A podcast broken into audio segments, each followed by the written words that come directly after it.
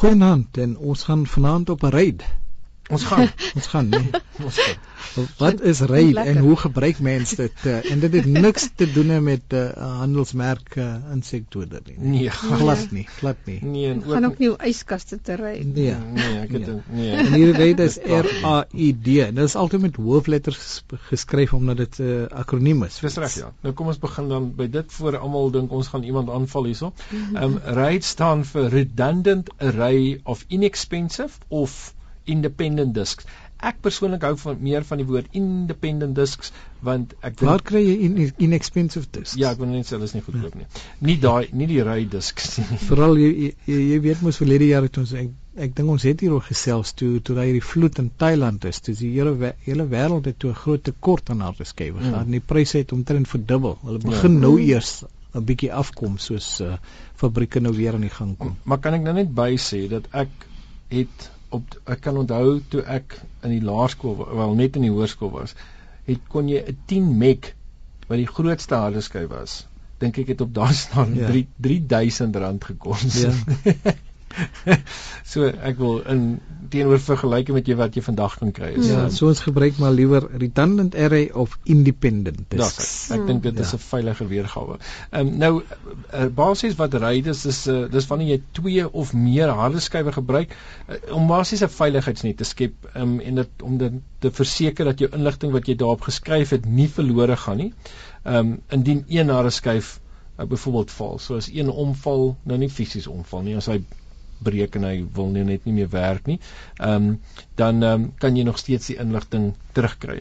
Ehm um, nou dit word uiteraard baie gebruik om besighede ehm um, te beskerm amper of hulle data te beskerm. Ehm um, want hulle kan jy kan nie bekostig om die data te verloor nie. Ek wil mense besef nie een dag, een week se inligting is krities. Jy jy kan net nie bekostig en hoe groter die besigheid is natuurlik, hoe belangriker is dit om die data te beskerm.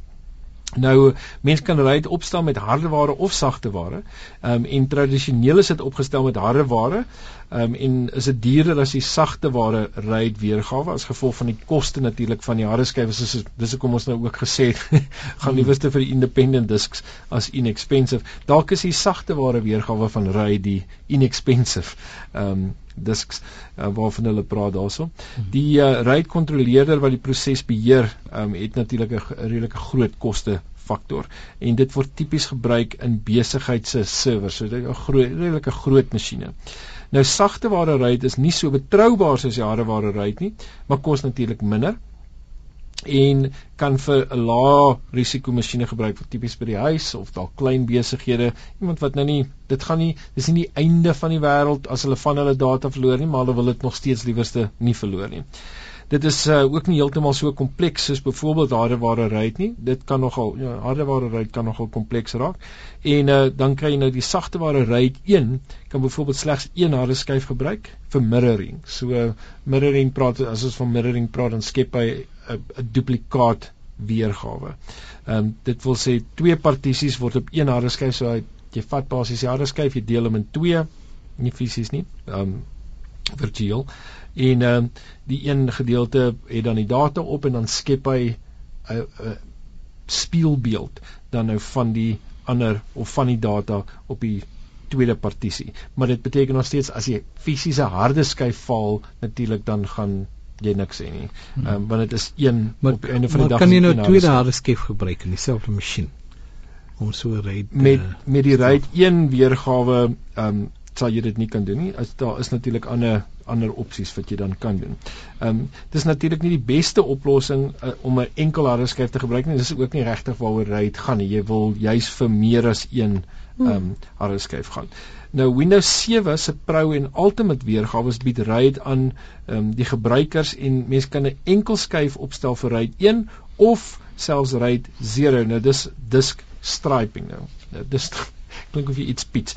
Ehm um, RAID is natuurlik ook beskikbaar in ander bedryfstelsels. By basies wat striping moes doen is hy skryf gedeeltes um oor verskillende o, mm. op verskillende plekke en dan het hy basies 'n toets kode sodat op die einde van die dag as een van hulle wegraak, dan kan hy dit herskep uit die uit die uit die kode uit wat daar is.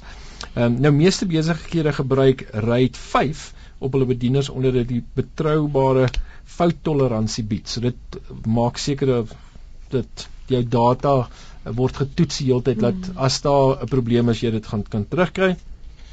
En uh, natuurlik vir 'n uiteensetting van die ry vlakke kan jy na die webwerf van die week gaan kyk. Ali, so vertel ons bietjie meer.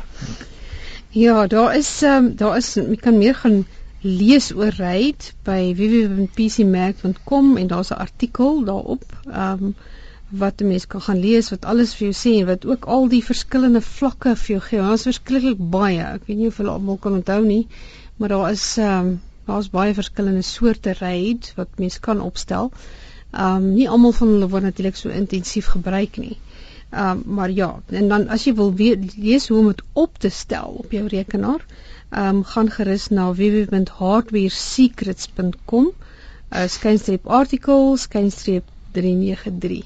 So dis 'n geheim. En hierdie webwerf kan jy by RSG se webwerf kry. Ja, ons webwerf is nie 'n geheim nie. Gaan kyk gerus by www.rsg.co.za en volg die rekenaar rubriek onder Chila tyd.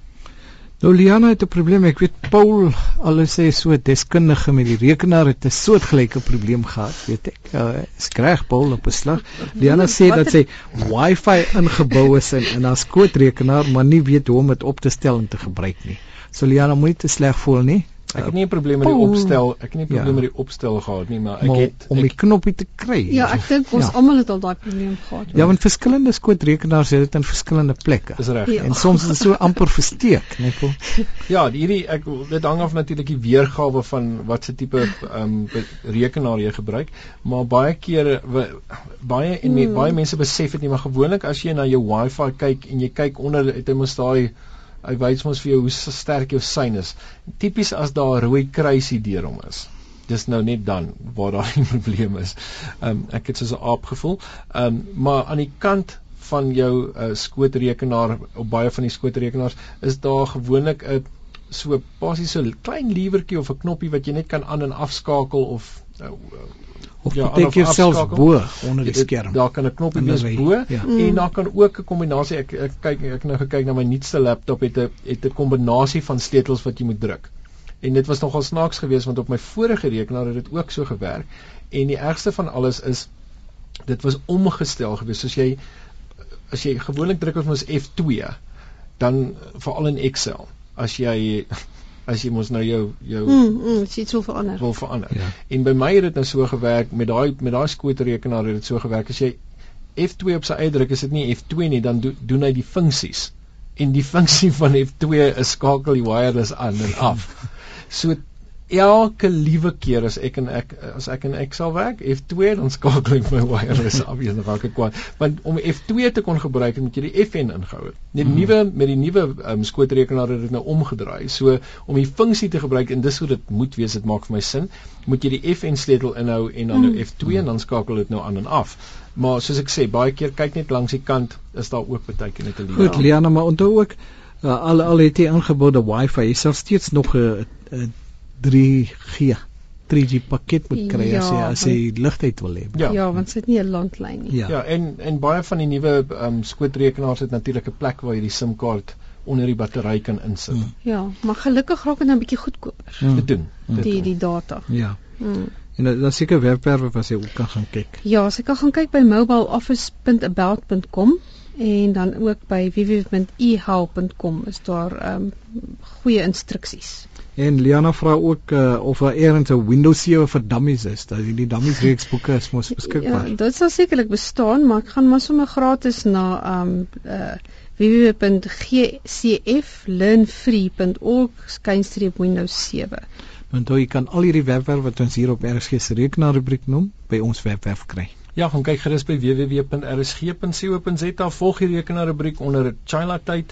Um, en stuur ook gerus vir ons e-pos as jy 'n uh, raad wil hê of uh, dalk 'n wenk met ons wil deel of uh, enige vraag het wat jy wil vra en uh, stuur dit na rekenaar by rsg.co.za. Nou deesdae is daar so baie verskillende tipes televisiestelle en skerms vir rekenaars, hmm. né? Nee? En daar da, daar's plasma en LCD en LED en uh, hulle verskil van mekaar af. Ja. So, kom ons maak dit 'n vraag. Ons maak dit 'n vraag. Wat is die verskil tussen plasma, LCD en LED behalwe vir die spelling? En wat is die verskil tussen plasma, LCD en LED? Ons gesels volgende week daaroor. Tot dan van Verkeerassen, Paul Grobler en Adie van Rensburg. Goeienaand.